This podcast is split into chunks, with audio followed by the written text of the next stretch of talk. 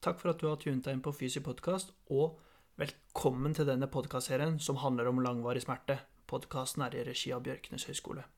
Denne podkasten kan ses på som et slags seminar som kommer i fire deler. I del én snakker Kristine Gren Sandvik med den svært kompetente Gustav Bjørke. Episoden handler om hvordan man tar en fullstendig, god anamnese, og tips og triks til hvordan man kan kommunisere godt med pasienten. I del to, også med Kristine og Gustav, så er tematikken orientert rundt begrepet smerte, og hvordan man kan gjøre en god klinisk undersøkelse. Del tre, dette er en helt unik episode. Praten med er med en av pasientene til Gustav, som har vært plaget med vedvarende smerter i lang tid. I denne episoden anvendes prinsippene som er snakket om i del én og del to, og vi får høre hvordan kommunikasjonen under en konsultasjon høres ut.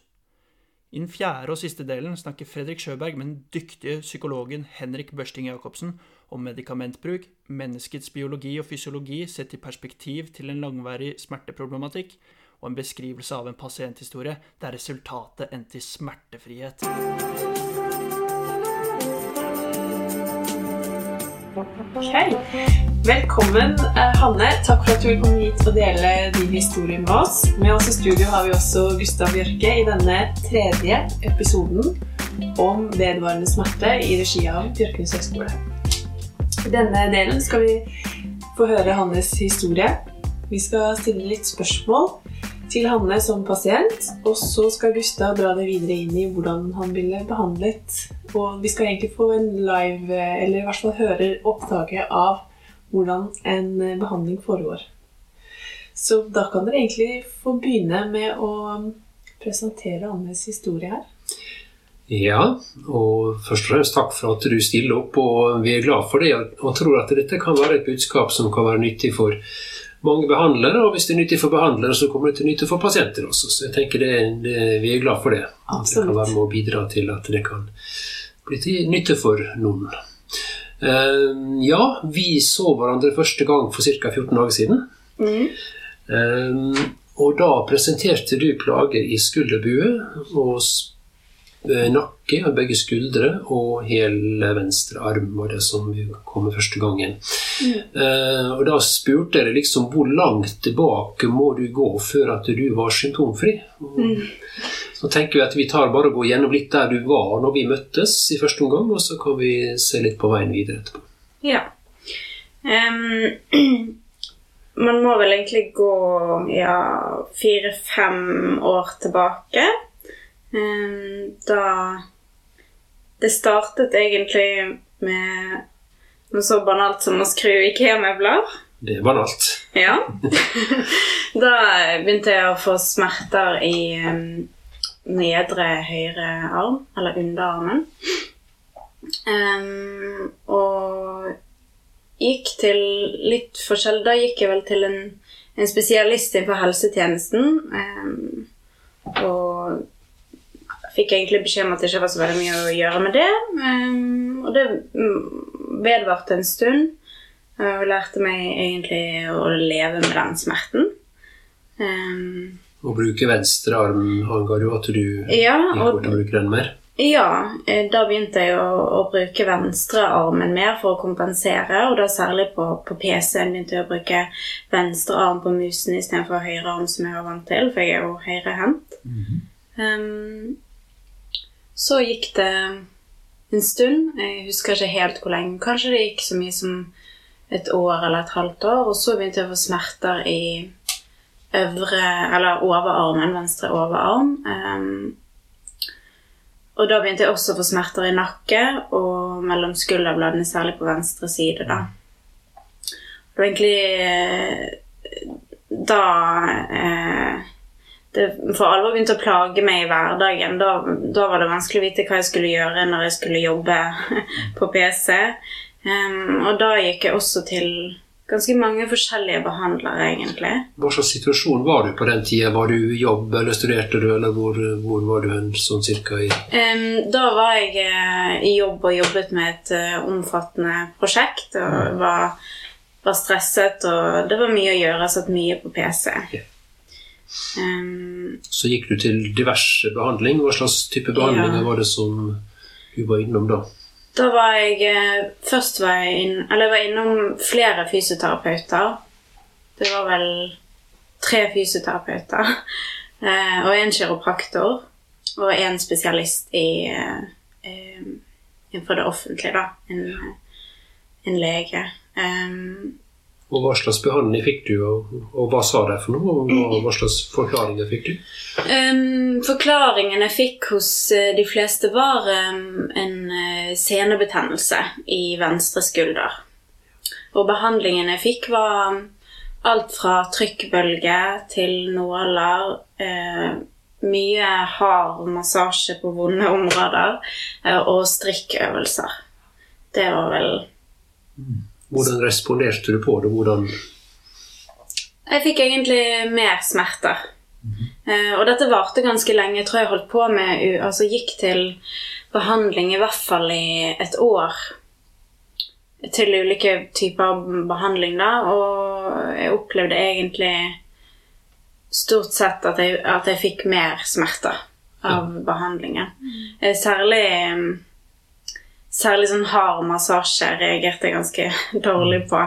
Um, og det fikk jeg stort sett hos alle jeg gikk til også. Hva sa de for noe når du ble av du? Jeg vet ikke om de sa så mye til det. Jeg tror eh, det, Jeg tror heller ikke at det var den letteste pasienten, for det var litt vanskelig å si hva som gjorde ting verre. Og eh, symptomene var, var de svingte i utgangspunktet, så det, det, kunne være vanskelig for meg å si at jeg ble verre akkurat av det de gjorde. Og så stolte jeg jo på at de visste hva de gjorde, da. Så jeg um, Men det endte egentlig med at jeg ga, ga litt opp behandling. Um, og igjen lærte meg litt å leve med smerten. Uh, og den avtok nok sikkert også litt, uh, så jeg fortsatte som før når det gjaldt jobb, men jeg eh, begynte å avstå fra det meste av trening som gjaldt overkroppen. Så jeg fortsatte f.eks. For å løpe og, og, sånn, men jeg eh, sluttet eh, med alt som var trening med armene, f.eks. Mm. Eh, og unngikk nok også ganske mye andre ting eh, som var tungt for armene. Ja. Ja. Mm. Så når vi så hverandre først der, det var vel da Da hadde du satt høyrearmen fire til seks på PNRS, eller VAS-skala, som vi sier, da. Og venstre arm tre til fem. Mm. Så begge er jo liksom da nokså konstante. At det ja. var en konstant smerte, da. Ja, for det som skjedde, bare for å fortsette historien, var at så gikk det en stund der jeg klarte meg i hverdagen og sånn, og så gikk det kanskje halvannet år, eller jeg husker ikke helt hvor lang tid som gikk, men i hvert fall nå for ca. Ja, eh, syv måneder, seks-syv måneder siden, så fikk jeg litt sånn nye smerter eh, i begge armene eh, og nakke og mellom skulderbladene. Eh, så da kom det på sett og vis tilbake med og, og sterkere igjen. Um, og da begynte jeg å gå til behandling på nytt igjen, da. Ja. Med en litt annen tilnærming, var det sånn? Ja. Da, ja. da, kom jeg til en fysioterapeut som som jeg opplevde hadde en eh, Eller manuellterapeut, som hadde en annen eh, tilnærming enn det jeg hadde opplevd tidligere. Ja. Og så kom jeg da til ja. deg nå. I og med at du flytta, så måtte du da ja, bytte. Sånn. Det kan ja. komme litt tilbake til hva som var forskjellen vi, Eller hva som var forskjellen på det du fikk der. Det kan komme tilbake til litt senere. Mm.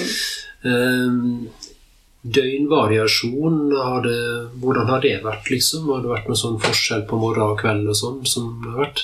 Ja, jeg har opplevd ehm, at eh, smertene blir verre utover dagen. Og det har jeg eh, koblet veldig til at jeg har sittet mye på PC-en da, og at det, det, blir verre når jeg har sittet og jobbet. Ja. Mm. Ja. Så hva gjør det verre? Hva har du angitt der? Det som jeg har, har, opplevd, eller tenkt at har gjort meg verre, det er en utrolig lang liste. ja. Men, Vi har tid til å høre på den, så bare kom igjen. Ja, eh, det er jo PC-bruk, eh, mobilbruk eh, Egentlig alt som innebærer å bruke armene, har egentlig stått på den listen. Det kan være støvsuge, tømme oppvaskmaskinen eh, va- eh, skrubbe noe, løfte niesen min. eh, egentlig alt som innebærer alt som du bruker armene til. Ja, Det er jo ganske enkelt oppsummert. Ja, ja egentlig. Ja. Og hva gjør det bedre, da? Hva har, du, hva har du angitt her på, på det? Um, der har jeg tenkt å, eh, at det å slappe av eh, Og ikke bare slappe av så mye å ligge på sofaen, men også redusere stress, eller sånn stresse ned, har jeg tenkt at ville hjelpe. Og generelt prøve å avspenne, har jeg tenkt at For jeg har følt at, at det har strammet seg veldig i hele overkroppen, og at det å prøve å Avspenningsøvelser har jeg tenkt at hjalp. Um, gå rolige turer har jeg opplevd som ufarlig. Skråstrek hjelpsomt. Ja. Men, men eh, til syvende og sist så har jeg jo egentlig ikke funnet noe som har Før jeg nå kom til behandling både hos deg og han forrige, så har jeg egentlig ikke følt at noe har hjulpet. Og det har vært det som har vært vanskelig, da. Det er jo litt frustrasjon ofte også, da. Ja. Så hvis type Altså du har eh, Hva driver du med nå, liksom, i forhold til jobb og sånne ting? Nå er jeg akkurat ferdig med et stort prosjekt, så nå skal jeg søke jobb. Mm. Og det prosjektet har vært ganske omfattende og stort og Ja, det har vært krevende. Ja, veldig. Mm. Veldig omfattende og, Ja. og stort og eh, mye stress. Ja, mye stress det. involvert i det. Ja. Mm. ja. Nettopp. Fordi når vi så hverandre, så var vi akkurat i sluttspurten. Ja. liksom, så nå er du Nå er jeg ferdig. Mm, Ja. Bra. Ehm, så nå er du jobbsøkende. Sosialt, hvor er du der? Bor du alene, bor du sammen med noen? Jeg bor med samboeren min, eh, og jeg har mye venner. Ja. Jeg har, har alltid noen å være med hvis jeg vil det, da. Ja. Ja. Godt nettverk. Godt nettverk Mm. og familie. Og, ja. Ja. Det er fint. Ja. Aktivitet eh, Hvor er du der, liksom, i forhold til trening og sånne ting? Det har jo vært um, Altså, trening har vært tilpasset disse smertene nå i hvert fall ja, fire til fem år, da. Eh, jeg har jo egentlig alltid vært veldig glad i trening, og når jeg fikk de første smertene, så var jeg ganske, holdt jeg ganske aktivt på med yoga. Eh, men det ga jeg jo meg med, fordi jeg følte at jeg ble verre av det. Um, Var det litt sånn tøff yoga, eller var det ja, det var ganske sånn Det var mye, mye skulderstående og på armer og Ja, det var ganske sånn tung yoga. Mhm. Så, så trening siden det har jo vært på en måte tilpasset til hva jeg har følt at jeg har tålt til enhver tid. Så som sagt ikke noe trening av armer. Um, men løping når jeg har følt at jeg har tålt det. Det er ikke alltid jeg har opplevd at det har vært så behagelig å gjøre det. Men, ja, og litt sånn trening og styrke på bein og sånn. Men, men alt har vært veldig sånn eh, det er på en måte smertene som er i midten, da, og så blir treningen tilpasset til det hele tiden. da. Så, For når vi møttes, da hadde du akkurat begynt på et program for der du skulle involvere mer armene og sånn. ja. Og det hadde du da begynt med da i den midt i innspurten. ja. Ja, hvordan slo det ut? Nei, det var ganske Det gikk ikke så bra. Eh, og det var veldig Det syns jeg var veldig tøft, for da hadde jeg hatt litt fremgang hos han som jeg gikk til eh, før, og eh, mentalt eh, brukt lang tid på å bli klar for å tørre å bruke armen i trening igjen. Eh, for det var noe jeg var kjemperedd for. For jeg var så redd for å bli verre. Og så midt i innspurten av dette store prosjektet så, så begynte jeg også å introdusere armene så vidt i, i treningen, og da fikk jeg eh, veldig økning i smerter. Ja. Um, og så det, det Da gikk jeg litt i kjelleren. Ja. Mm. Kjelleren er ikke et bra sted å være på, vet du. Nei. Eh, Så Vi snakket litt om det i stad før du kom, at det er jo ikke alltid belastninger med hvem det treffer og når. Og der traff nok den relativt sparsomme belastningsøkninger. den traff deg i, i en tidsperiode som var ganske, der begeret var ganske fylt. Ja. Ja, så det er litt sånn greit å forstå at det sånn, sånn kan det være. skal vi komme litt tilbake til. Da. ja. Um, ja, typisk dag for deg, så snakket vi om at du sto opp ca. åtte og jobba ca. to timer pga. smerter. Mm. Tar eh, trikken til der du satt, og satt der og monitorerte smerten mens du jobba, så du fulgte Mm. med og tilpassa og, og hadde liksom den litt i fokus. Og så, når det var gått et par timer, så gikk du hjem og var litt deppa fordi du ikke kan bli ferdig. Mm. Og at du følte at du må bli ferdig, og så var det veldig sånn skvis du beskrev. Kan du si noe mer om hvordan den dagen var? Mm, ja, det, det er jo litt sånn Jeg hadde dårlig samvittighet for eh, å jobbe fordi at jeg følte at jeg gjorde meg selv verre. Eh, og var redd for at jeg gjorde meg selv verre på lang sikt også. Og så hadde jeg dårlig samvittighet når jeg var hjemme og slappet av fordi at jeg burde jobbe og bli ferdig med prosjektet mitt. Så det var også satt eh, Når jeg satt på jobb og jobbet, så satt jeg jo hele tiden og kjente etter sånn Går det bra? Går det bra dette her? Er det for mye? Er det Gjør jeg noe feil nå? Vil jeg, vil jeg gjøre meg selv ufør av å sitte her nå og presse igjennom? Og ja, kjente Vurderte hele tiden om det var forsvarlig å jobbe, da. Hvordan er det å konsentrere seg i en sånn situasjon? Da? Det er jo Men det er jo kjempelett. krevende ut. ja, ja. Nei, det, det er jo veldig vanskelig. Så vi, vi prata på at det ville ta deg ca. tre uker med den framdrifta du hadde da for å bli ferdig med den Mm. arbeidsmengden du kunne gjøre da. Så kan vi komme tilbake til at du klarte å korte ned det etter hvert, men at du Ja. hadde en sånn perspektiv på ca. tre uker. Ja. Uh, ja, radiologi og andre undersøkelser så at MR av nakke og skuldre, der de fant en tendinose på supraspinatus venstre side, lett slitasje i nakke angivelig, og beskyttet begge skuldre etter ultralyd og fått kortison to ganger i høyre skulder. Hvordan har det virka?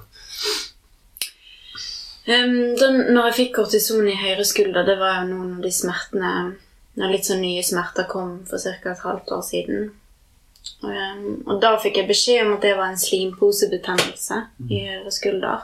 Og tendenser til slimposebetennelse i venstre skulder. Etter en ultralydundersøkelse. Um, ja, og da fikk jeg kortison. Uh, det opp, jeg opplevde at det hjalp noe.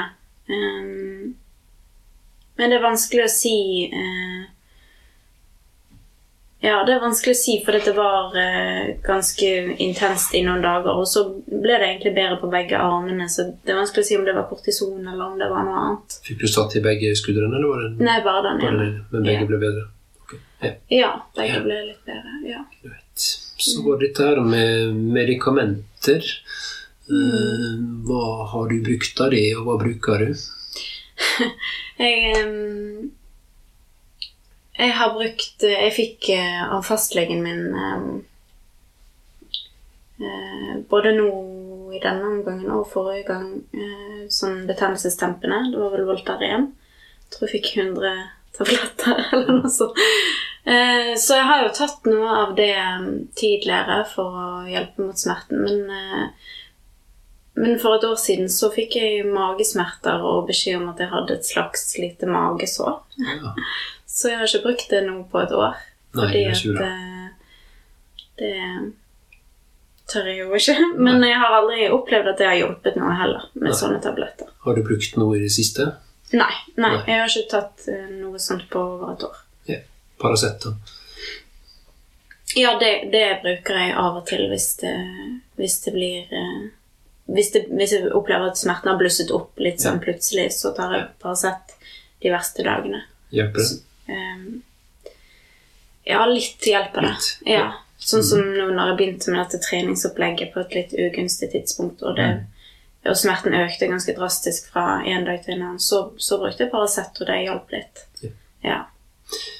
Eh, familiedisposisjoner spør vi ofte om. Litt det her med andre i familien som har slike typer plager. ja eh, begge mine foreldre har ulike betennelsesaktige plager, eh, men de er kjempeaktive og lever fint med det. Ja. Trener mye ja. Far som har musearm. Ja, det har han. Mhm. Mm. Og min mor har noen slags form for eh, leddgikt i fingrene, tror jeg. Ja. Og du har tatt blodprøver for leddgikt som var negative. Mm. Ja. Tenker du at disse plagene de har, tror du det har betydd noe for deg, og hvordan du ser på dette her? Ja, jeg tror jeg ganske tidlig begynte å tenke at jeg Eller jeg tenkte ganske tidlig at jeg er veldig disponert for dette her, og at jeg lett får betennelser. Og eh, kanskje det også eh, hjalp meg Eller kanskje det også gjør at jeg lettere tenker at ting er betennelse. Fordi jeg tenker at jeg er disponert for å få betennelser. Jeg kommer lett til å få Ikke det. så, ikke så unaturlig, det. Nei. Når du har erfaringer rundt det, så vil en jo fort lettere tenke det, da. Noe alvorlig sykdom det har ikke du hatt, og du har heller ingen tegn til det etter det vi kunne se. Men så spurte jeg deg om andre sykdommer, og da tok vi og gikk gjennom den lista som jeg ofte bruker å lese, og da har vi jo smerte, da, og så er det mulig at du opplever slitenhet sånn til og fra. Eh, litt kvalm når du stresser, muskelspenninger, og så noe bihuleplage ca. en gang per år. Humørbesvingninger. Kan du si noe om det? Liksom, hvilke ting er det som eh, svinger der, da? Eh, jeg opp, opplever eh, Eller jeg har opplevd gjennom alle disse årene med smerter at eh, graden av smerter påvirker humøret veldig mye.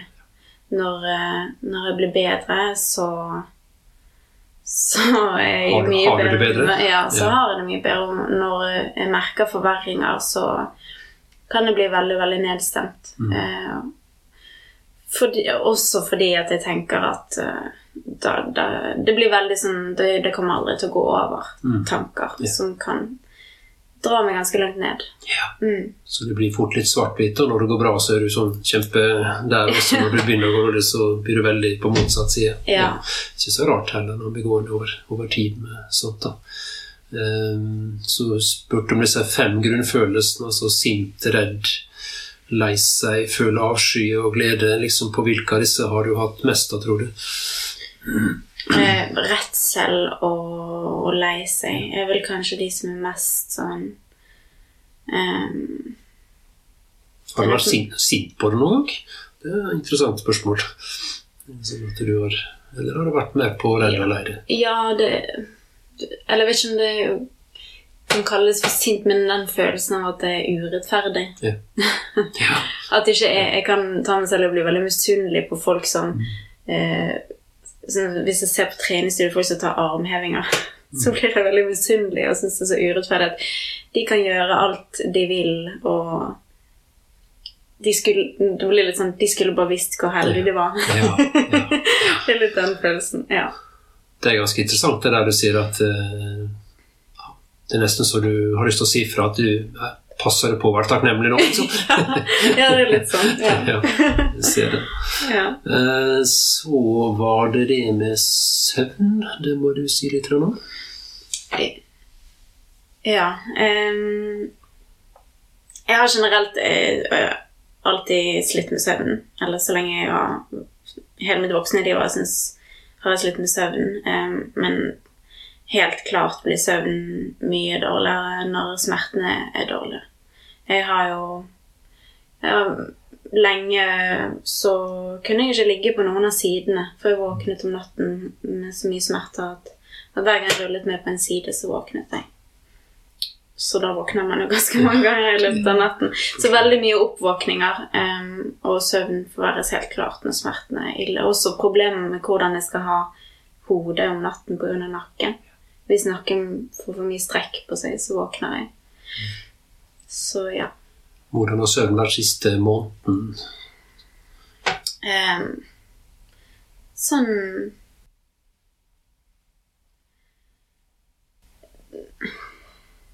Det er vanskelig å si, for mitt, mitt, min normal er egentlig ganske dårlig i utgangspunktet. Så den har vært kanskje omtrent sånn som Ja, nei, vanskelig å svare på. Jeg har vært i en ganske stresset periode også, så den har jo ikke vært noe sånn god. Men den har, det har ikke vært den verste perioden heller. Så Hvis du tenker en sånn standardnatt, i den grad jeg kan snakke om standardnatt, mm. når legger du det sånn typisk? Klokken elleve. Klokka 11. Og eh, hvor fort sovner du hvis du legger deg 11? Jeg slukner eh, slukner. etter fem minutter. Tvert. Ja. klart. Og hva skjer så videre utover? Liksom, sover du da sammenhengende, eller våkner du opp? Eller Nei. jeg våkner eh, alt fra fem til 15 ganger i løpet av natten. Ja. ok. Og står opp vanligvis ca. Eh, kanskje sånn halv åtte. halv åtte. Ja. Og da er det ganske mange avbrudd på den søvnen fra elleve til til halv åtte. da. Mm. Ja. Men når du våkner, tar det lang tid før du sovner igjen, eller blir du liggende? Nei, ikke så veldig. Det stort sett så har mitt problem vært at søvn er veldig lett hele natten. Ja. At jeg er litt sånn mellom våken og søvn hele natten. Ja. Um, når du våkner, våkner du av sverten, eller våkner du av deg sjøl, eller hva tenker du liksom? Ehm, det er litt vanskelig å vite. Jeg, jeg, jeg opplever litt at det At det er akkurat som jeg er litt på alerten for å passe på at jeg ligger riktig i forhold Ja. til å passe på eh, nakke og skuldre og sånn at jeg At jeg er veldig sensitiv for hvis jeg ligger eh, på en måte som jeg tenker at er skadelig for, for nakken eller skuldrene, og at jeg, at jeg våkner og for å liksom passe på kroppen, da. Ja. Mer enn at det er så sterke smerter, egentlig. Så du er egentlig på nattevakt, du? Ja, egentlig på Du passer på kroppen på natta? Ja, ja. Mm. Det er ikke så lett å få dyp søvn. Nei, det. Det er Det er det ikke. Ok. Så var det mm, tidligere behandling har vi snakket en del om, men du kan jo si litt eh, hva som var forskjellen når du møtte den eh, manuellterapeuten du gikk hos tidligere, den som du så nå i 19, blir vel det da? I 2019? Ja, um, forskjell der da var, det, da var jo det en stund siden jeg hadde gått til behandling sist, og egentlig så hadde ikke tenkt, tenkte jeg at ikke det var noe poeng, for jeg hadde så dårlig erfaring tidligere. Men så fikk jeg han her anbefalt, eh, så tenkte jeg sånn Ok, jeg skal gi det en sjanse. Um, forskjellen var vel at eh, han tok seg veldig god tid til å eh, forstå hele bildet. Og det var alt fra sånn hvordan eh, Hvordan reagerer samboeren din på situasjonen du er i, til eh, bare Det var første gang jeg faktisk fikk spørsmålet sånn Hvordan føles dette for deg? Eh, du er midt i innspurten av et kjempestort prosjekt. Du er kjempestresset. Og så sier kroppen din stopp. Hvordan, hvordan føles det? Det var faktisk første gang noen hadde spurt meg om det. Og det men ja, at han, han tok seg veldig god tid til å forstå eh, hele situasjonen min. Em, og han lyttet også veldig nøye til For jeg hadde jo opparbeidet meg litt sånn frykt for hard behandling-type, den nære harde massasjen som jeg følte at egentlig bare sensitiviserte eller trigget smerten enda mer. da. Eh, og det tok han veldig på alvor. Og ja, rett og slett hørte på hva, hva jeg eh, hva jeg trengte, da. Eh, Og hva jeg var redd for. Um, og den største forskjellen var nok at vi kunne ha en del timer der, vi, der han ikke gjorde noe som helst fysisk behandling i det hele tatt. Det var stort sett Det var 90% samtaler hos han. Hvordan opplevde du det? Syns du det var rart, eller var det Ja, sånn Med en gang jeg kom dit, så du som pasient så har du bare lyst til at noen skal fikse deg kjapt. sant? Og jeg ble jo litt utålmodig i begynnelsen. Kjente sånn Kanskje du bare Skal det skje noe her? da? Ja, skal det skje noe her snart? Og, men eh, etter hvert så merket jeg at eh, det var kjempenyttig, og at det hjalp. Og at vi var på bølgelengde. Og så skjønte jeg at de, dette er behandlingen. Denne samtalen her faktisk er behandlingen. Og da roet jeg meg kanskje litt ned og, og jeg tror også for meg, hvis jeg hadde kommet til han for fire år siden og var innstilt på at noen skulle knekke eller trykke, eller sånn, så hadde jeg kanskje ikke hatt tålmodighet til den behandlingen jeg fikk hos han. Men det er noe med den reisen jeg har hatt med alle de ulike behandlingene jeg har fått, med nåler og trykkbølger og alle utstyr og alt sånn, at jeg var villig til å gi det han hadde å tilby en sjanse, da. Og så merket jeg fort at det, at det passet for meg og den situasjonen som jeg var i. Viktig poeng du har der, at det, det er noe med timing. Det er noe med timing. Mm, med timing. Mm. Så uh, fylte du ut dette her spørreskjemaet som vi ga deg, og um, der skårte du 68 på 100 uh, i sum. Eh, og av enkeltsummene Jeg kan jo si at eh, dette er jo sånn for å prøve å se sånn profil da, liksom, i forhold til, eh, til hvordan du ligger an der. da. Da ligger du relativt høyt, og det ligger nok mye på at du har en høy grad av altså si, frykt for hva det er for noe fremtid.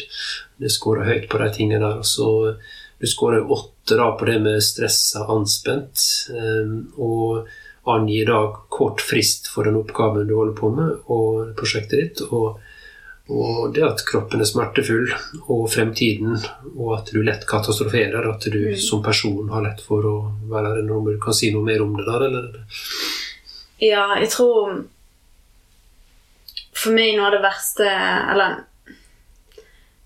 Det har vært veldig tøft å ikke vite om jeg noen gang kommer til å bli bra. Det syns jeg nesten har vært det verste. Det, den frykten for hvordan fremtiden skal se ut. Jeg har vært redd for at jeg ikke skulle kunne jobbe eh, i fremtiden. Og jeg tror det har preget alt jeg har gjort også, at jeg hele tiden har tenkt sånn Hvis ikke jeg er forsiktig nå, så kan jeg ødelegge fremtiden min. At jeg kan bli ja, ufør, eller at dette kan bli virkelig permanente smerter.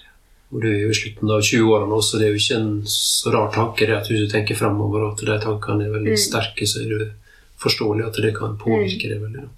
Og du skåra også åtte på liksom nedstemt siste uke. Og det er jo knytta litt til det samme som du har sagt på det forrige punktet. da, at Det mm. henger jo litt, litt, sammen, da. Jeg kan si at jeg, jeg er ikke så redd for Smerten i seg selv er jeg ikke så redd for, men det er alt som kommer med det. Ja. Av, hva, av fremtiden. Så konsekvenser. Av, ja, konsekvensene konsekvenser. av smerten. Mm. Og det er av og til jeg spør folk liksom, er du mest bekymra for det som er nå, eller det det kan bli. Mm. Det er ganske interessant hvor mange som svarer at nei, det jeg har nå, skal jeg kunne stå i, men jeg er så redd for at ja. det skal bli slik og slik og sånn.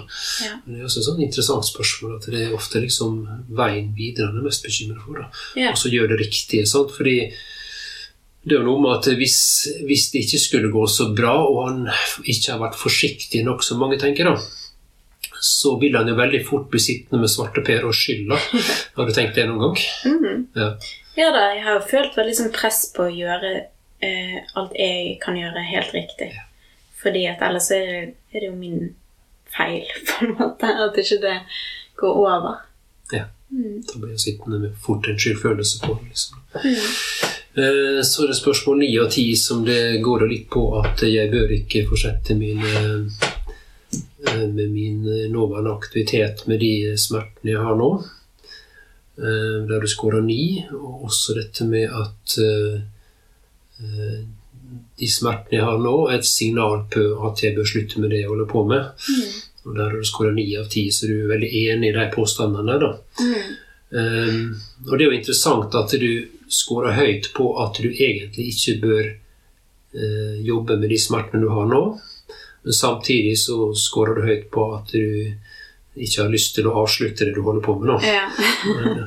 det er sånn, litt sånn interessant vri det der at du du bør egentlig ikke gjøre det, mm. men uh, må gjøre det. Mm.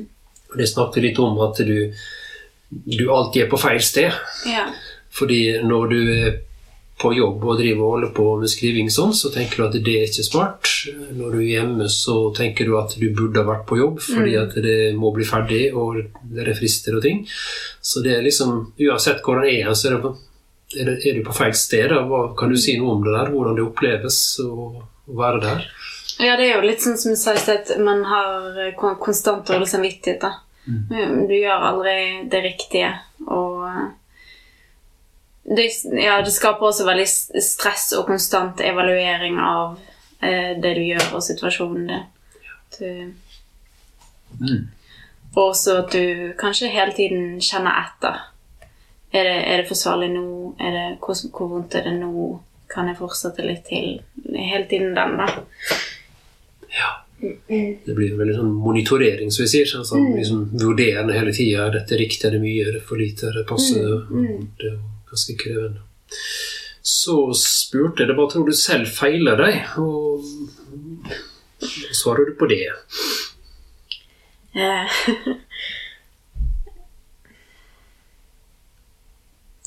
Nei, det er jo litt sånn vanskelig å løsrive seg fra de diagnosene i hermetegn som man har fått tidligere, med mulig senebetennelse og slimposebetennelse og disse tingene her. Men Eh, og det er kanskje litt vanskelig å svare på, Elisabeth. Jeg har jo snakket litt med deg i ettertid, og, og, og jeg har jo tillit til det du sier, eller sånn som du vurderer det nå, da. Men jeg har jo egentlig tenkt at eh, eh, Jeg har jo tenkt at det har vært betennelsestilstander, at jeg har lett for å få betennelser, og at hver gang jeg prøver å trene, så blusser betennelsen opp. Det er vel egentlig det jeg har tenkt, eller at hver gang jeg er overbelastet, så er det kanskje litt betennelse på nytt. Det har Og det ordet betennelse, hva signaliserer det til deg? Liksom? Hva, hva opplever du når du hører det ordet? Um, at jeg må være forsiktig. Ja. Og ta det med ro. Det er jo en nærliggende tolkning. Ja. Og at, eh, at kroppen ikke tåler det jeg har Hvis jeg har prøvd meg på noe og jeg er for vond, så har jeg tenkt at da, da tålte jeg det ikke. Ja. Og det som jeg bruker å si, at det der er smart atferd så fremt tolkning er riktig. Ja. Men det der er springende punktet som vi skal komme tilbake til. Det er jo akkurat det det handler om. Det er jo smart atferd. Så fremt det er riktig. Mm. Men det er det springende punktet. da. ja. ja. så det var ganske interessant det du svarte liksom at du hadde semitens i skuldrene, men usikker på nakken. Ble ikke bra. Tendinose eh, var det også snakk om. Fikk aldri trent opp armen under smertene.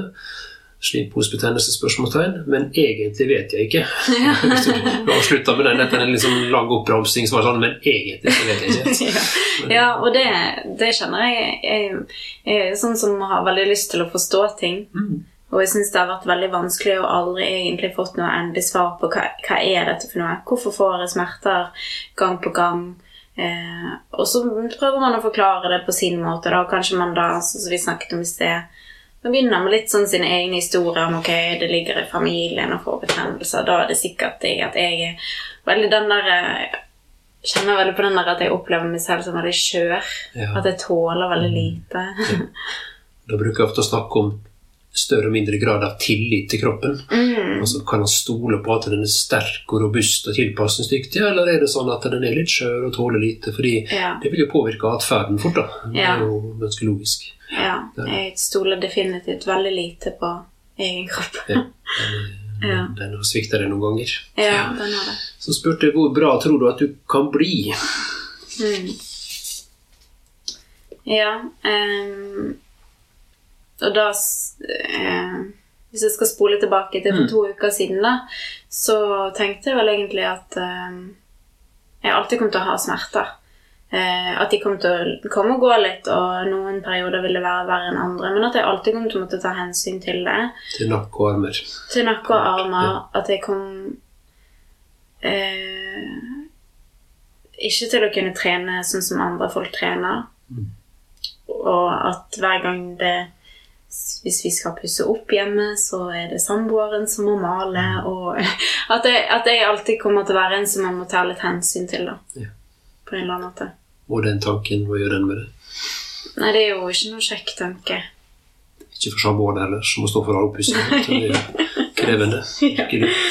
Ja. Så var det interessant du sa at 'jeg tenker sånn for ikke å bli skuffet'. Mm. Altså, Du vil ikke ta, du vil redusere fallhøyden, hører jeg. liksom At du ønsker på en måte ikke å ha så stor fallhøyde. Så ved å sette forventningene lavt, så eh, er det mindre sjanse for å bli skuffa. Mm. Absolutt. eh, interessant tanke, det også.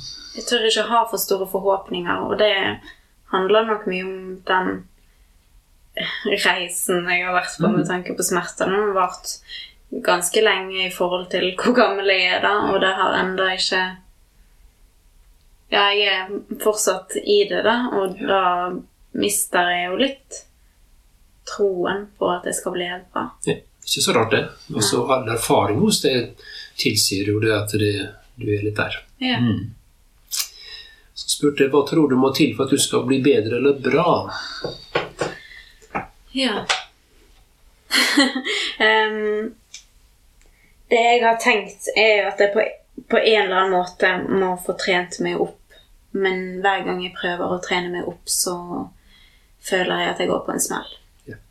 Så det er litt sånn motstrid at jeg føler meg svak. Jeg føler at uh, overkroppen min eh, tåler veldig lite, og at jeg må trene meg opp for å beskytte meg mot fremtidige uh, skader eller betennelser eller smerter, men at jeg ikke får til å trene meg opp. Så du føler deg skjør og svak og tenker at det er lurt å trene seg opp, men hver gang du gjør det, så får du erfaring av at det kroppen ikke tåler, og så er du tilbake på null igjen. Ja. Og så har du prøvd en gang til, og så har det ikke fungert. Ja. Ja. Um, hvor frisk opplever du deg? Da sa du at du følte deg mentalt utslitt, men klar for en kropp som fungerer, ja. Lyst til å begynne å trene igjen, så du, Ja. du er jo litt der, da. Og så var det interessant det spørsmålet hvis du våknet opp i morgen og var 100% frisk, hva ville vært forskjellig i livet ditt da? Og da svarte du at du ville ha vært kvitt mange bekymringer. Hadde brukt tid på å bli trygg på at det ikke kom tilbake. Redd for å få tilbakefall. Hadde så begynt på pilates og tatt opp klatring igjen. Gått på ski i påsken, det er det jo tvilsomt nå for tida. Skrubbet badet hjemme. Eh, jobbet tolv timer i strekk og løftet på nesen. Det var liksom eh, Egentlig alt. Alt som ja. man bekymringsfritt bruker armene til i hverdagen. Det er det jeg savner mest. da. For det du egentlig sier, er det er normal bruk av armene. Det er jo egentlig Ja. oppsummert. da. Men det kanskje først og fremst jeg hadde vært livredd for at det skulle komme tilbake. Ja, Det er litt interessant, for du tar litt forbehold. altså Du våkner opp og er 100 frisk, nå er du klar. Og så har du en del forbehold. Hva tenker du rundt det? Det er en veldig interessant ting, det der.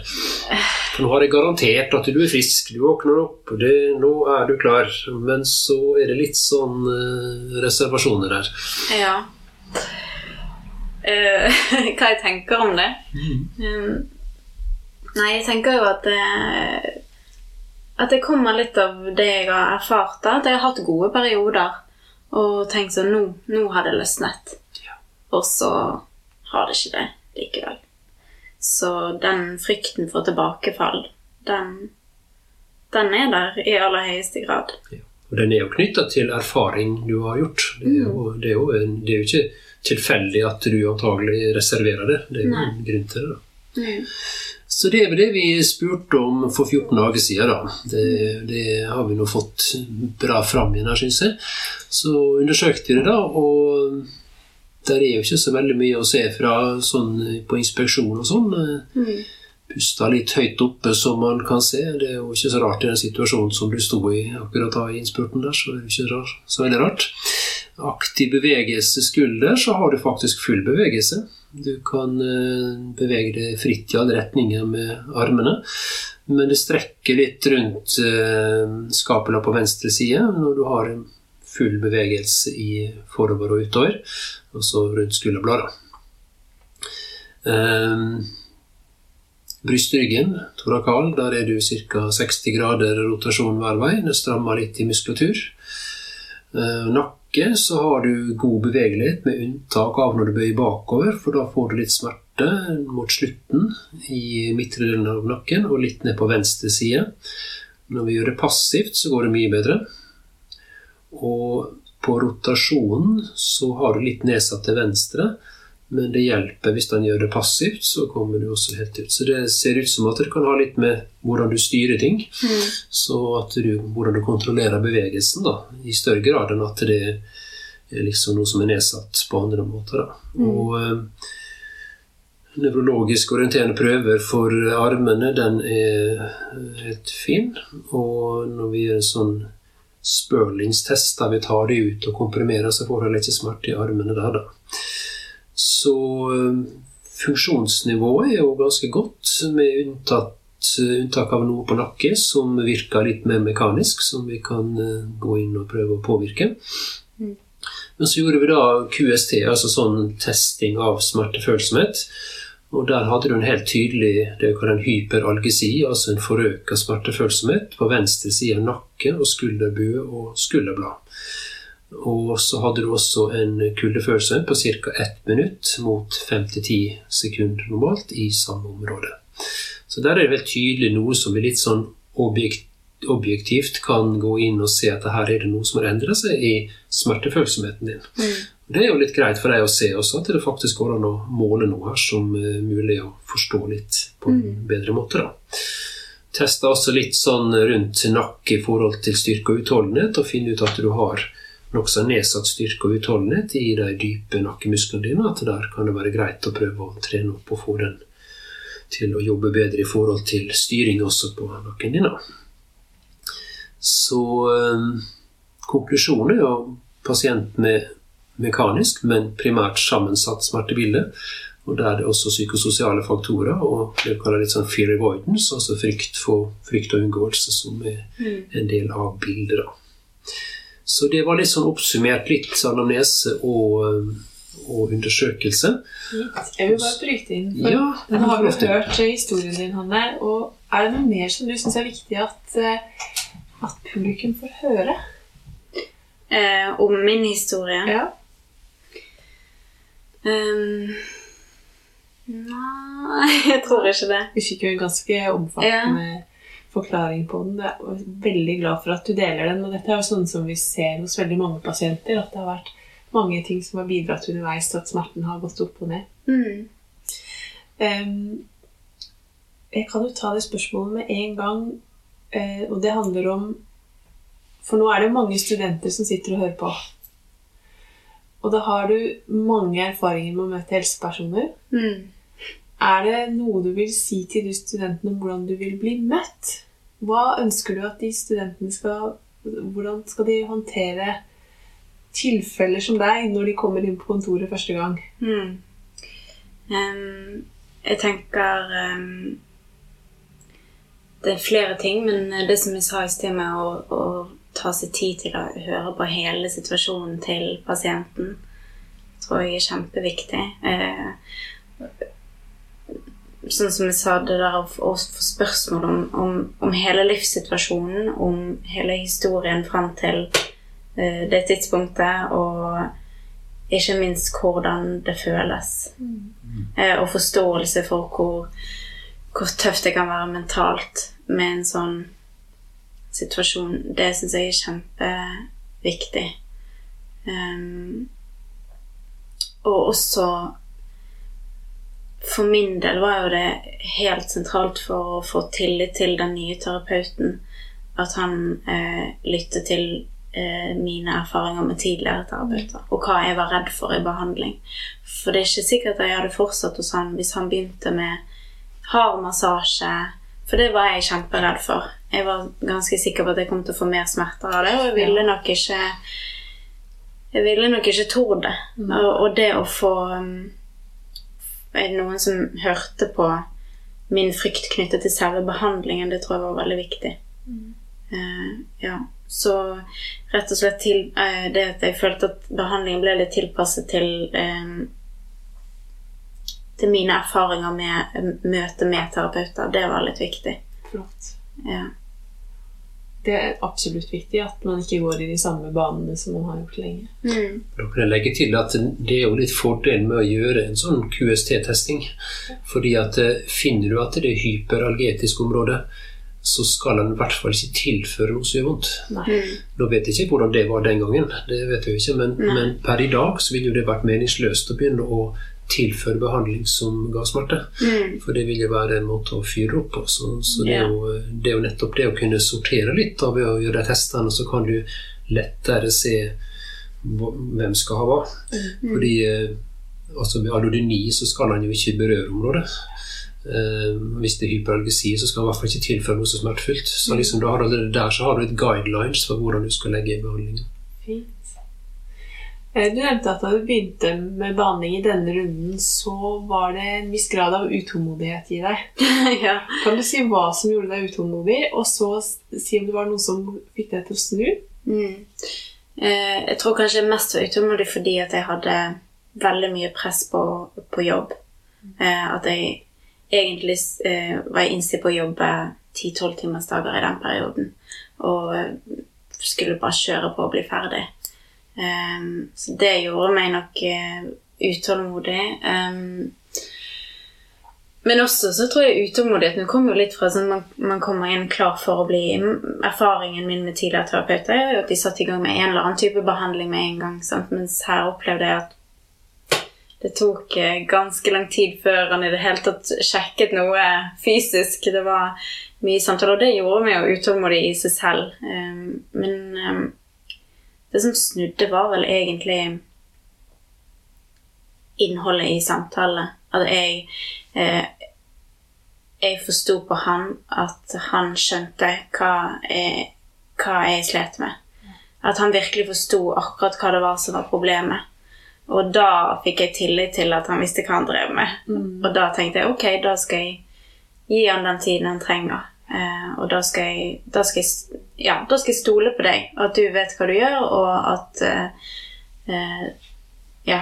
Så det, det, handler om tillit. At når jeg fikk eh, han klarte å formulere seg på en sånn måte at jeg skjønte at eh, Husker du hva han sa?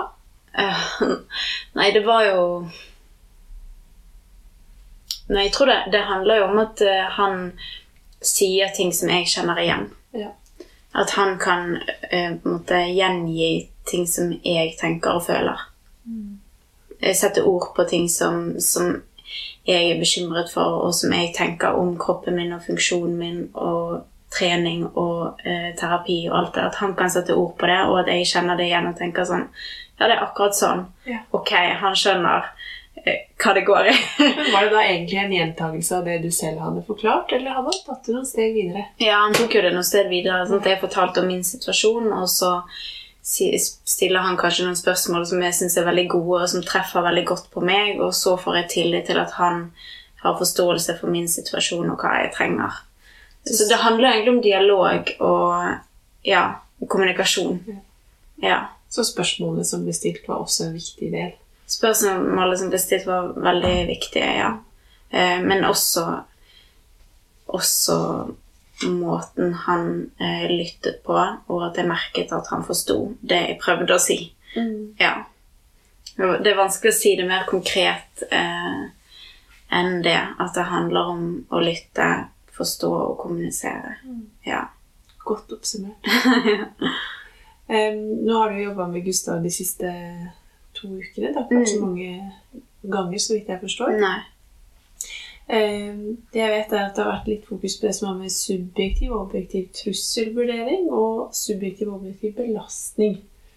Skal, skal vi ta kanskje disse journalnotatene? Kan bare for Ja. hvor vi har vært disse to-tre gangene, så kanskje det kan kaste litt lys over det, så kanskje det er lettere å svare på også. Ja. Fordi vi så jo det første Ja, vi setter det tre ganger, tror jeg. Og når det da var den andre gangen, da, så hadde vi jo stort sett snakka og undersøkt og sånn. Og så Allerede da så hadde vi begynt å snakke litt om å kunne devaluere litt symptomer. Altså fordi det var en smertefølsomhet, men eh, funksjonen var god. Hva mener du med devaluering av symptomene? Det betyr at man skal gi det litt mindre verdi. Ja, Rett og slett eh, se på det litt åpnere, og ikke la det få så stor betydning. Fordi at det vi ser her, så forklarte litt om det med røykvarsleren, at det er egentlig den som er for sensitiv, mens funksjonen egentlig er god. Så da hadde du jo estimert at du skulle levere på tre uker, da, den prosjektet du holdt på med. Og så du kom tilbake, så hadde du levert prosjektet. Um, og da hadde du altså jobbet godt i fem dager. Et år på fem år med dette her, og så har du liksom da blitt ferdig med det. da. Um, så da i større grad kunne devaluere symptomer og hadde hatt det bedre. Så da gikk det jo litt på at du i større grad hadde bestemt deg for bare å gjøre mer, da tydeligvis. Kan du si noe om hvordan det opplevdes? det der? eller? Ja, eh, når jeg kom til det første gang, så var jeg egentlig veldig nedstemt og bekymret og redd. Eh, og jeg torde ikke helt å jobbe, og jeg torde ikke helt å la være. Og ja. Og så fikk jo jeg beskjed av deg om at det, det ikke var noe galt med funksjonen, og at eh, du sa også at jeg ikke trengte å være så redd for å sitte og jobbe noen timer ekstra på PC-en. At det, det var ikke noe farlig. Ehm, og så valgte jeg rett og slett å stole på det, da. Så egentlig så enkelt som det at jeg, jeg fikk nok tillit til deg til å tenke at ok, det, det stoler jeg på. At det, det er ikke farlig for meg nå å gå på jobb og sitte noen timer ekstra. Eh, og ikke sitte og eh, evaluere smertene konstant for å kjenne om jeg kan jobbe en halvtime til eller en halvtime til. Så jeg gikk på kontoret, Og så satte jeg meg ned ved PC-en, og så tenkte jeg dette er ikke farlig. Prøvde å gjenta det for meg selv, og så Var det vanskelig? Ja, Mm. det er jo vanskelig. Som jeg har sagt til deg, sånn du Du ber jo om ganske mye i, i form av tillit. For hele kroppen min sier jo at dette er farlig. Og så velger jeg å stole på at det ikke er det. Vi kan godt si litt rundt det, fordi at det, som jeg sa tidligere, så ber jeg om noe som er helt naturstridig. Så, så eh, jeg sier at det er ikke enkelt, fordi at eh, helt sånn evolusjonært så er vi jo designa til å ta symptomer på alvor og følge med på dem og bli litt redde. Det er liksom prosjektet at vi, vi skal være der, da. Og det er det naturlige. Og det er klart når jeg nå ber deg om å devaluere, altså gi dem mindre betydning og la de være der, tenke på det mer som et ubehag, ubehagelig, men ufarlig, så gjør jeg noe veldig naturstridig. Yeah. Og, og det er viktig å få fram at eh, jeg ber deg om noe som er vanskelig, Ja. men det går an å øve på det. Ja. Ja, fordi vi, vi må gå motstrøms imot det som eh, instinktene våre sier. da. Men samtidig, hvis vi objektivt sett da, fra vårt ståsted er trygge på at det er forsvarlig og trygt, så handler det om å jobbe med å, den tanken at det faktisk er mulig å gjøre, og at det går bra. ja. Det er jo det du satt liksom og kjempa litt med, tydeligvis. da. Mm. Og jeg tror eh, for mitt tilfelle, da, der det handler om dette her med subjektiv kontra objektiv eh, Hva kalte dere det? Trusselvurdering. Trusselvurdering. Så eh, tenker jeg at tillit til terapeut er ekstra viktig.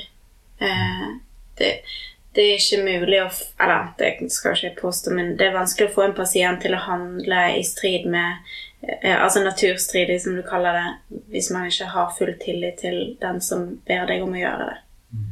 Eh, så Så um, ja, så jeg valgte, jeg valgte å stole på det, og det var selvfølgelig veldig utfordrende. Men, og, og det er jo ikke sånn at det, det var en quick fix og nå ikke er redd for noe lenger. Men, men bare det å, at noen sier at det som du er veldig redd for, det er ikke farlig, det hjalp. Ja.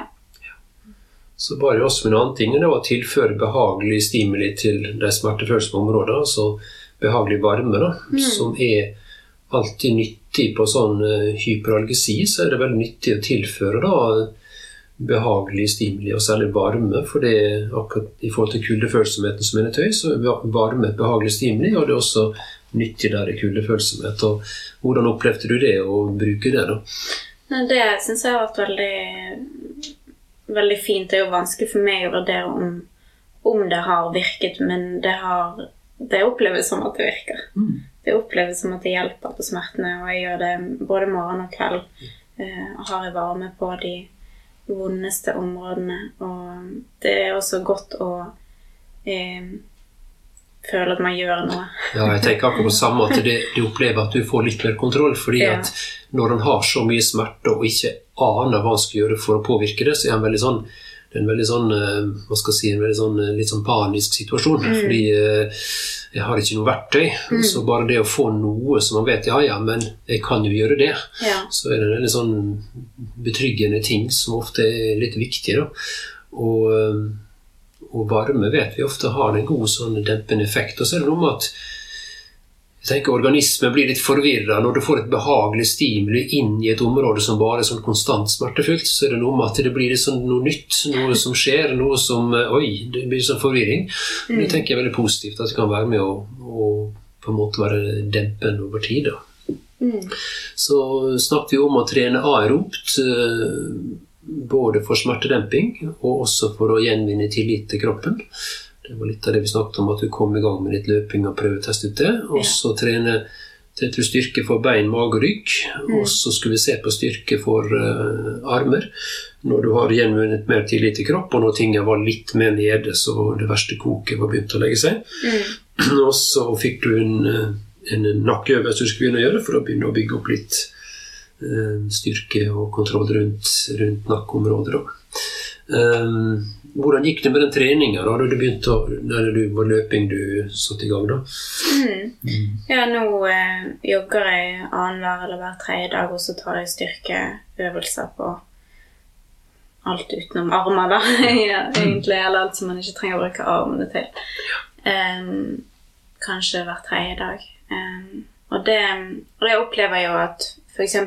på kvelden, hvis jeg jogger på dagen, og på kvelden så er smertene sterkere. Det opplever jeg. Um, men, um, men jeg blir kanskje litt mindre redd av det uh, enn før. Det er ikke så Jeg gir det kanskje mindre oppmerksomhet når jeg har noen som følger det opp underveis, da, og som kan forklare meg det litt underveis hva det er for noe, og ja, at jeg ikke bruker så mye energi på det, men at jeg mm, da tar jeg frem varmeflasken, og så Ja. Det er ikke så Og så opplever jeg også at den smerten eh, kanskje ikke varer så lenge Altså økningen av smerten går fortere ned enn det han har gjort tidligere. Ja. Når du løper, hvor, hvor er hodet ditt når du løper? Liksom, hvordan eh, opplever du det å løpe? Hvordan eh, er det å stå i det? Mm. ja, det har vært ganske utfordrende i starten da jeg begynte å løpe. Før jeg kom til deg også, da, så så, prøv, så var det litt sånn konstant prøve å sånn, Jeg gikk og sa til meg selv prøv å slappe av i armene, prøv å slappe av i armene. helt Hele tiden kjenne etter om jeg var anspent noe sted når jeg løp og sånn, for jeg følte at det kunne gjøre ting verre, da. Mens nå jeg jo, trener jeg jo på å flytte oppmerksomheten litt vekk fra det. Eh, fra ubehaget i kroppen, da, og fokusere på andre ting. Fokusere på musikken, eller Ja. skal lese det siste journalnotat som var nå på tirsdag. Eh, Der står det hun er i fremgang, har løpt med minimal plage, noe som er nytt.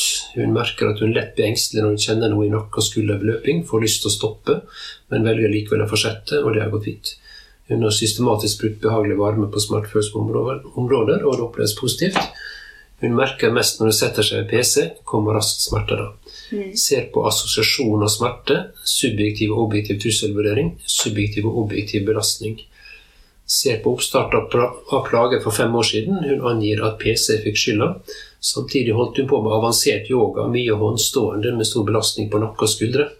Den fysiske belastningen av PC var minimal mot dette, og PC har fungert i mange år.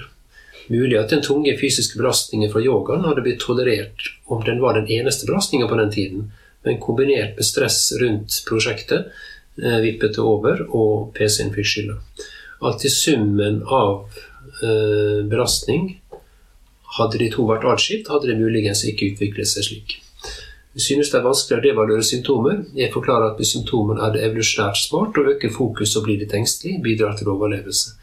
Forutsetter at det objektivt er farlig, og, at, og det er det subjektive som styrer symptomene. Ehm, min jobb er å objektivisere trusselnivået. Ehm, så når jeg ber henne om å devaluere symptomer, ber jeg noe som er vanskelig, men viktig, om den objektive trusselen er lav. Hun fortsetter med samme opplegg. I tillegg beveger armene ubelastet i alle retninger for å forberede trening av armer. I tillegg korte økter med støvsuging, skrubbing pluss pluss, som er aktiviteter å unngå nå. Eh, og så øke litt på holdetid på den øvelsen for nakken. Det var siste gang på tirsdag. Ja. Eh, har du prøvd å bevege armen? Har du prøvd å bruke dem til noen ting? Mm. Altså det, det eksempel å ta armene over hodet eller ut til siden sånn har vært noe som jeg har vært veldig redd for i mange år. Ehm, så det kjentes som en veldig sånn et fint sted å begynne. Eh, å tørre å gjøre det. Eh, og det har jeg gjort, og det, det går jo faktisk fint. Det gjør det. Ja. Sjokkerende nok. Men jeg kjenner at jeg må, jeg må um, Intuitivt så har kroppen veldig lyst til å kompensere litt når jeg gjør de tingene. Skuldrene går opp til ørene, og um, jeg spenner meg veldig når jeg gjør det. Så det kjenner jeg at jeg må øve litt på å gjøre det mer avslappet. Og det er jo en fryktrespons, fordi du gjør Ja. noe som oppleves som skummelt og truende, og så skrur du på en økt mm, muskulær aktivitet for å Ja. beskytte, og at han blir litt redd og sånn. Men det er jo nettopp ved å gjøre det og eksponere, som vi sier på fint, det er et fint ord, det er jo nettopp det som må til for å komme ut av det. Ja.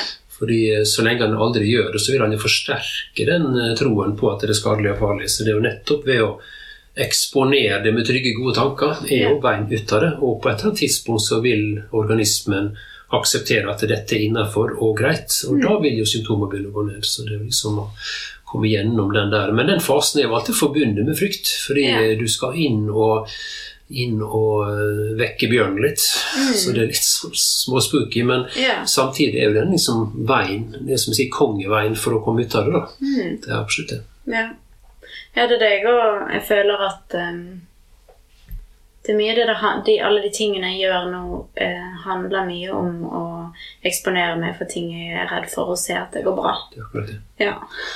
Og det er klart at det er ikke, det er ikke gratis, det. Det er det ikke. Fordi du må inn og kjenne på frykten, og du må inn og gjøre ting som du har opplevd skummelt lenge.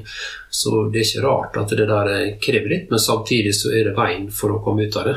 ja. Så det er liksom bare å vite det at han er i gang med noe som har en fremtid som kan bli bedre for deg, og der du kan ta tilbake ting. Det er det som er så viktig. Så vi snakket litt med røyk, røykvarslermetaforen. Man kan jo slutte å gjøre ting, og dermed så går ikke røykvarsleren. Men samtidig så blir det jo også grått. Det hadde liksom ikke, var ikke det som var planen, liksom. At man skulle slutte å gjøre alt. Det er jo Nei. Og jeg tror også det som er forskjellen på eh, den behandlingen jeg får hos deg og hos han som jeg var hos eh, nå før, er at em, dere har begge veldig fokus på å bevisstgjøre meg på de tingene jeg har unngått. For en ting er sånn, å- de åpenbare tingene, at jeg ikke har trent armen eller Men det er veldig mange andre ting eh, som jeg har unngått i en del år, som har blitt så inngrått at jeg, inngrådd at jeg nesten ikke er klar over det selv. At jeg har unngått det.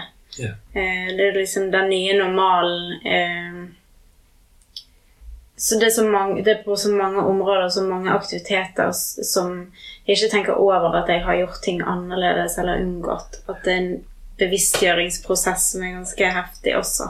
For det har skjedd en gradvis tilpasning der du Ja. bare har justert det inn etter hvert, Ja. og så mer ubevisst nesten bare har slutta. Til slutt så vet jeg nesten ikke hva han har slutta med, fordi hva er et normalt liv? Sant? Mm. Ja. Det er jo hvordan bruker man Det er nesten som jeg må lære meg å bruke armene normalt på nytt. Fordi at jeg har tilpasset livet over så mange år at jeg ikke helt Jeg vet ikke hvordan man gjør ting helt normalt, da. Nå er norsk A4-standard for bruk av armer. Ja, ja, det er litt sånn. jeg ser det. Um, har du prøvd ut noen ting siden sist i forhold til det vi snakket om? Eh, Har du sneket deg nærmere støvsugeren, eller er du på behørig avstand fortsatt? Ja, nei, jeg har eh, faktisk støvsuget, og det gikk jo egentlig ganske greit. Ja. Eh, Hvor lenge holdt du på? kanskje, kanskje ti minutter, Ja, faktisk. Ja. vi snakket om fem, så da Ja, så da har vi brutt instruksjonene. Ja. Nei, det er jo Jeg syns jo det er tungt for meg å støvsuge, og det er jo litt rart å innrømme, men um... Tenk på hvor mye du har brukt disse armene det siste året. Altså, Det er jo noe med det også ja. Det er noe med å tenke og begynne å ta tilbake noe også her. Og Ja. Det er noe med det.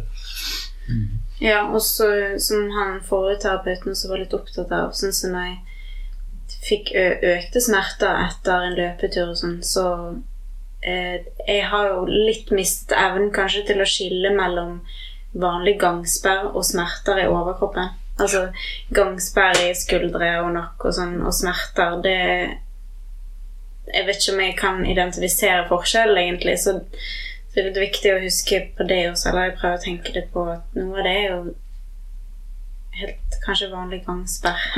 Jeg tenker Når du løper, så beveger du mye mer på de Ja. skuldrene og armene enn du, enn du gjør til vanlig. ja. Hvis du tenker på din vanlige hverdag, da er de nesten ikke i bruk, og Mm. så løper du en halvtime eller 20 minutter, eller hva det. Det er klart det blir mye mer bevegelse der enn det har vært på ja. Og det er klart at det, det er jo en uvant ting, Mm. og at mm. hjernen fortsatt er litt skeptisk og driver og sender noen uh, trusselsignaler her. At du, hallo, nå er vi der igjen, liksom. Men Mm. det er nettopp da å tenke objektivt sett kvinne i slutten av 20-åra løper 20 minutter. eh, hvor belastende er det for armene? Hadde altså, hadde det vært beina, så kunne vi i hvert fall snakka litt om det. For armene så henger de der og slenger. ja. Så det er noe med å tenke sånn antall kilo belastning der er jo minimal. ja. Så da tenker jeg at da må vi være litt eh, Jeg bruker å si modig og tålmodig. eh, Ja. To ord som passer godt sammen. Modig og tålmodig. Vi må være modige, og samtidig også litt tålmodige på at det er en omstilling, men at du får betalt for det etter hvert. da. Mm. Så nå er vi egentlig inn på den si, nye konsultasjonen i dag. Det er Ja, litt som hvordan har det vært siden sist, og det er litt det vi driver og catcher opp nå. liksom hvordan har det vært, og I forhold til det fysiske, i forhold til å aktivisere seg. Eh, Vi har snakka litt om dette med varme, som du fortsatt bruker, og søvn den har vært litt sånn Ja. som den har vært omtrent. ja. Ja, ikke så stor endring på. Nei. Nei. Og Det er jo ofte en omstillingsting, det er jo ting som tar tid. Det er jo, en, det er jo et stort hjul, som jeg bruker å si. Når man skal snu det, så er det jo ofte litt sånn at det må få lov til å Det er noe med at eh, man må ta litt om gangen her, så ikke man tar alt på en gang. Jeg tror det er veldig viktig. da. Um, så det er det uh, Ok. Hva tror du blir viktig for deg nå til neste gang vi snakkes? Hva tror du blir viktig for deg, liksom? Um, jeg tenker egentlig det er viktig å, å opprettholde litt sånn jevn um, jevnt aktivitetsnivå. Altså sånn, for min egen del, for å stole på at jeg tåler ting, så trenger jeg kanskje å gjøre, gjøre det over litt tid. Gjøre det samme over litt tid og se at okay, det gikk bra når jeg jogget, ikke bare én gang, men fire ganger. Det, det går fortsatt bra. Jeg har ikke blitt permanent verre av det. Så det å opprettholde litt sånn jevnt eh, nivå på ting um, um, Og selvfølgelig også jobbe med det eh, Jeg vet ikke om vi kaller det det mentale, eller hva Vi vi kan godt kalle det det. Ja. Det er helt fint, det. Med tanker, i hvert fall. Tanker og følelser, det er jo det det handler Ja, om. Ja, og det kjenner jeg eh, ut Altså Jeg møter jo på den utfordringen hele dagen. Eh, der mm, kroppen min sier at dette er farlig, og så utfordrer meg. Så for eksempel å tømme oppvaskmaskinen. Så, sånn at jeg jobber Jeg føler at jeg er på jobb hele dagen i forhold til disse tingene med å, med å identifisere eh, tan tanker om aktiviteter og, og prøve å tenke litt nytt om ulike hverdagsaktiviteter.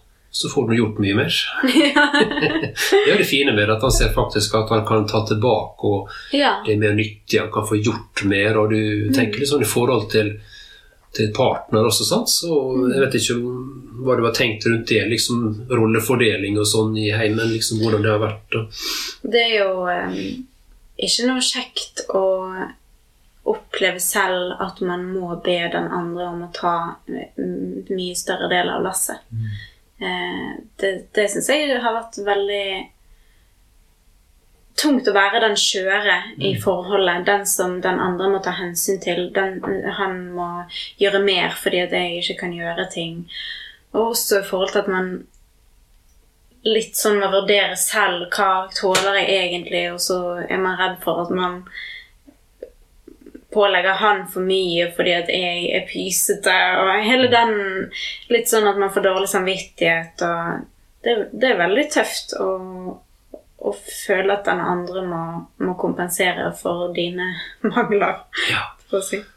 Og det er jo litt av det som er fint når man begynner å ta tilbake ting, så føler man at den balansen blir bedre, og det gjør Ja. noe med det mentale også. Da blir Ja. han eh, han har det bedre når Ja. han opplever det. da.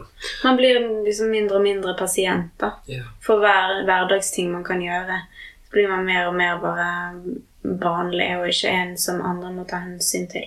Jeg tror det er veldig viktig å formidle det til partnerne. For sånn, sånn som min samboer kan plutselig si til meg sånn, nå må du være forsiktig, må ikke du gjøre for mye. Og det kommer jo fra et kjempegodt sted. Eh, men jeg er jo mer enn forsiktig altså For meg blir jo det litt sånn å jobbe på motsatt måte. Sant? Og ikke være så forsiktig og tørre litt. Så det er så viktig å formidle at nå, nå skal jeg utfordre meg litt her. Men det er Så- et viktig ting du tar opp der, dette med, med partner. Altså, eh, det kan veldig mye velment. sant? Han ønsker det vel, og sånt, men så kan det også bli en opprettholdende faktor at han, det blir tatt for mye hensyn, mens du egentlig skal nå prøve å eksponere det. ja. Går det an å spørre om du er en person som eh, er glad i litt kontroll i livet ditt? ja, det er jeg. Jeg sitter også litt med følelsen, og det møter jeg veldig mange som har. og det, det i seg sjøl er jo litt interessant, fordi at det er utrolig mye som er vanskelig å kontrollere i livet. da. Men man har jo ofte en tanke om at man vil kontrollere mest mulig. da. Og eh, jeg bruker ofte å si at eh, sånn som i ditt tilfelle, så passer du nok best på armene ved å passe litt mindre på dem. Det er litt sånn paradoks, men eh, det er en sånn fin mantra å ha med for deg. liksom, At Ja. du kan tenke det at eh, det å passe ekstremt mye på armene dine er nok kanskje ikke den beste strategien. Nei. Så det du gjør nå, er å passe litt mindre på dem, Mm. eh, og se på det mer som ubehag enn farlig. Ja, det er litt ubehag, men det er ufarlig. Mm. For er det noe som er skjørt hos deg, så er det jo, er det jo røykvarsleren din. Altså, yeah. det, er jo, det, er jo, eh, det er jo den som er litt skjør. Mm. Mens kroppen ellers, den tror jeg skal fungere fint. den. Mm. Når vi bare får eh, justert dette her litt på røykvarslernivå. Så tenk litt mer på at det er det som er skjørt, egentlig. da. Mm. Fint. Da har vi vært gjennom eh, en lang, vedvarende smertehistorie. Ja. Og stegene fra du startet behandling eh, litt mer samtaleorientert for å håndtere smerten bedre. Mm. Eh, Og nå også en behandlingssession. Så jeg vil bare si tusen takk til begge to. Godt jobba, og lykke til videre, Hanne. Takk. For det. Da var denne episoden kommet til sin slutt. Ønsker du å finne fram litteraturen, artikler eller lenker som er referert til i denne podkasten? Du finner det på fysi.no under innlegget til denne episoden. Og hvis du har lyst, så følg oss gjerne på sosiale medier. Du finner oss under Fysi på Instagram og Facebook.